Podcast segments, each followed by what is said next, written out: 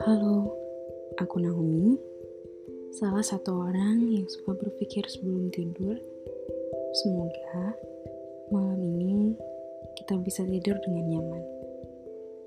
Tentang bertahan. Sebelumnya, di episode pertama Moonlight Talk, aku pernah share salah satu kutipan dari bukunya Kyle Idleman, Don't Give Up. Di situ dia tulis, kalian tahan saja, tahan saja.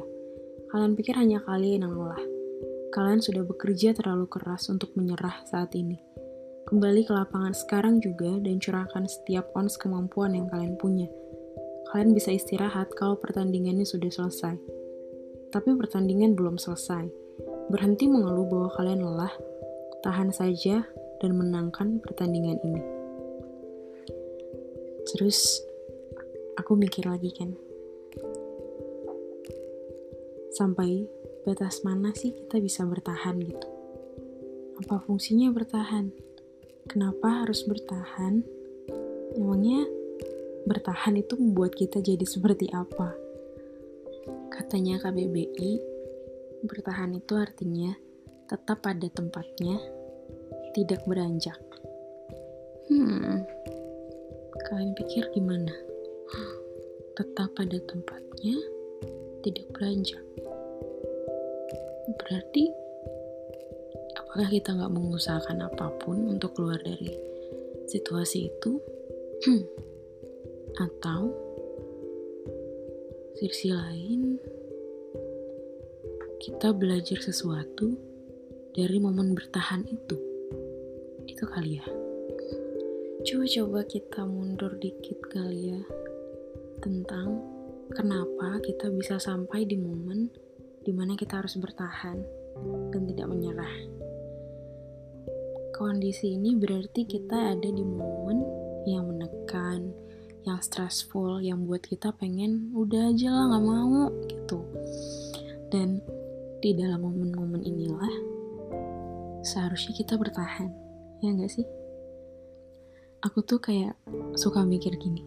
Gak tahu kalian pernah merasakan ini atau enggak.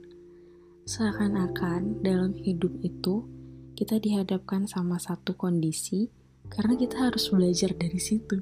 Pernah gak sih kalian kayak uh, misalnya tahun 2010 punya masalah A dan kita nggak beresin masalah itu somehow dua tahun ke depan di tahun 2012 kayaknya kita menghadapi masalah yang mirip-mirip juga dengan tahun 2010 gitu.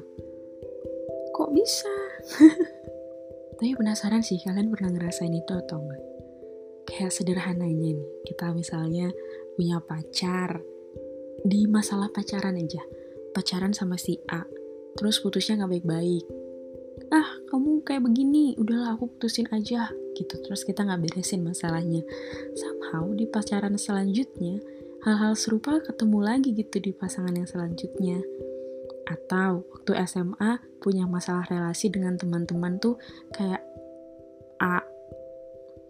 Terus waktu kuliah masalah relasinya somehow berulang lagi gitu. Pernah gak sih?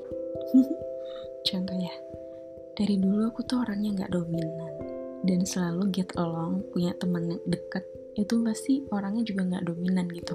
Dari waktu SD waktu SMP yang teman deket banget SMA juga itu yang deket banget tuh pasti yang nggak dominan juga. Yang bisa ya udahlah selolah santailah bisa ngobrol tanpa memaksakan aku harus begini kamu harus begitu tuh nggak ada lah.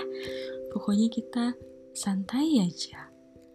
Ada waktunya aku yang ambil jalan ada waktunya dia yang ambil pilihan dan kita selalu-selalu aja tuh. Biasa teman dekatku tuh yang kayak begitu orangnya. Tapi sebenarnya sejak dulu sejak SD juga udah dihadapkan dengan teman-teman yang dominan. Tapi aku selalu dekatnya dekat bangetnya tuh nggak sama yang dominan. Biasanya sama yang slow lah sama yang ikut-ikut aja gitu.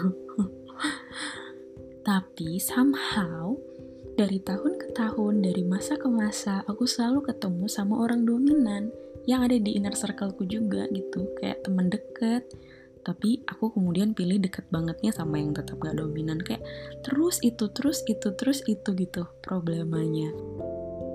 Sampai akhirnya waktu kuliah aku pun punya deket sama temanku temen deketku banget tuh dominan gitu sampai sekarang nih aku punya dua teman dekat yang benar-benar dekat banget itu dua-duanya dominan kadang bingung sih menghadapi orang dominan itu kayak apa terus aku berpikir kenapa dari SD, SMP, SMA, kuliah tuh dihadapkan dengan orang-orang dominan.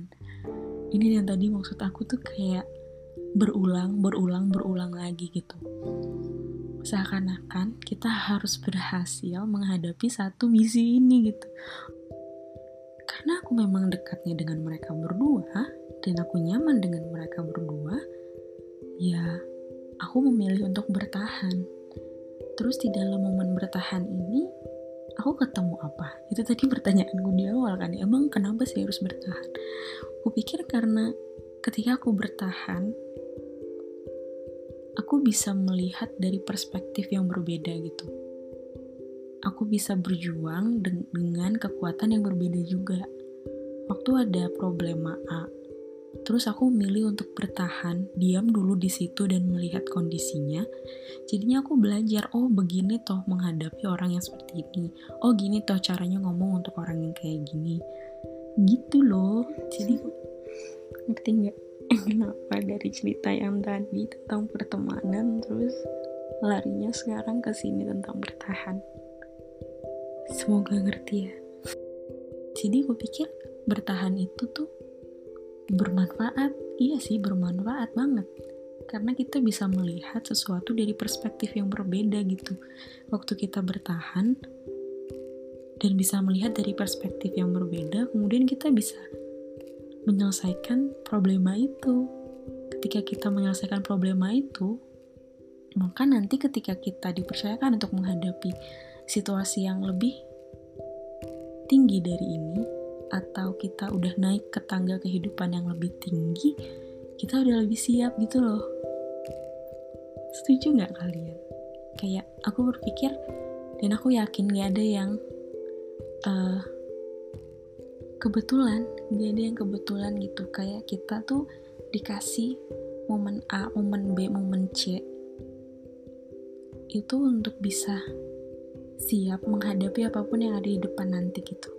Dan ketika kita bertahan, kita belajar banyak dari proses itu, sehingga kita siap untuk naik ke tahap selanjutnya. Itu yang aku pikir. Kayak sekarang nih, uh, buat beberapa temanku yang ekstrovert, ini tuh menyiksa sekali momen-momen saat ini. Karena mereka dapat energi dari luar. Mungkin kalian yang dengar juga, yang ngerasa diri kalian ekstrovert, aku bisa membayangkan sih gimana tersiksanya kalian menghadapi momen sekarang di mana kita harus di rumah aja nggak ketemu banyak orang nggak bisa nongkrong nggak bisa kerja ke tempat kerja yang physically tempat kerja di mana kita bisa ada relasi sama teman-teman satu kerja. Ya sih kalau aku membayangkan diriku ini kayak kalau aku disuruh harus datang ke ketemu banyak orang terus harus chit chat sama banyak orang kayak berminggu-minggu berbulan-bulan ya ampun. Menyiksa sekali apa sih yang dirasakan. Aku sepertinya aku bisa membayangkannya sih. Terus di momen-momen ini tentu sepertinya kita harus bertahan. Bukan sepertinya sih. Emang kita harus bertahan. Bertahan dulu. Biar kita makin kuat. Bertahan dulu supaya nanti kalau dipercayakan momen yang lebih besar kita udah siap. Aku lihat-lihat juga di Instagram di YouTube gitu-gitu banyak yang udah mulai bilang kalau situasi saat ini tuh bisa kita pakai untuk banyak hal yang baik juga buat diri kita. Banyak yang cari hobi baru yang belajar hal-hal baru gue pikir itu oke juga sih. Jadi momen ini gak kita pakai untuk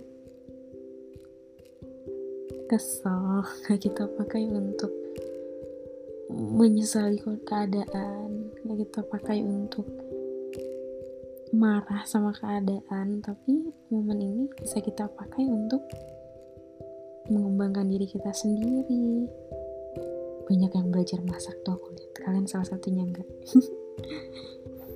ya semoga di situasi saat ini kita semua bisa bertahan. Dan waktu kita bertahan kita bisa dapat dan mengalami hal-hal yang sebenarnya bisa kita syukuri dari keadaan ini. Hal-hal yang sebenarnya bisa kita bangun dari tengah-tengah kondisi yang seperti ini. Bisa tetap dapat satu dua cara untuk mengatasi kebosanan bisa apa aja bisa melihat kondisi ini dari perspektif yang lebih positif dari perspektif yang lain kita bisa lebih dekat sama keluarga jalin relasi lebih dekat sama Tuhan makan lebih sehat lebih aware dengan kesehatan diri sendiri mengasah dan melihat hal-hal baru. Ya, semoga cerita kita malam ini bisa membawa kita kepada pikiran yang lebih positif tentang bertahan. Terima kasih sudah mendengarkan. Selamat tidur.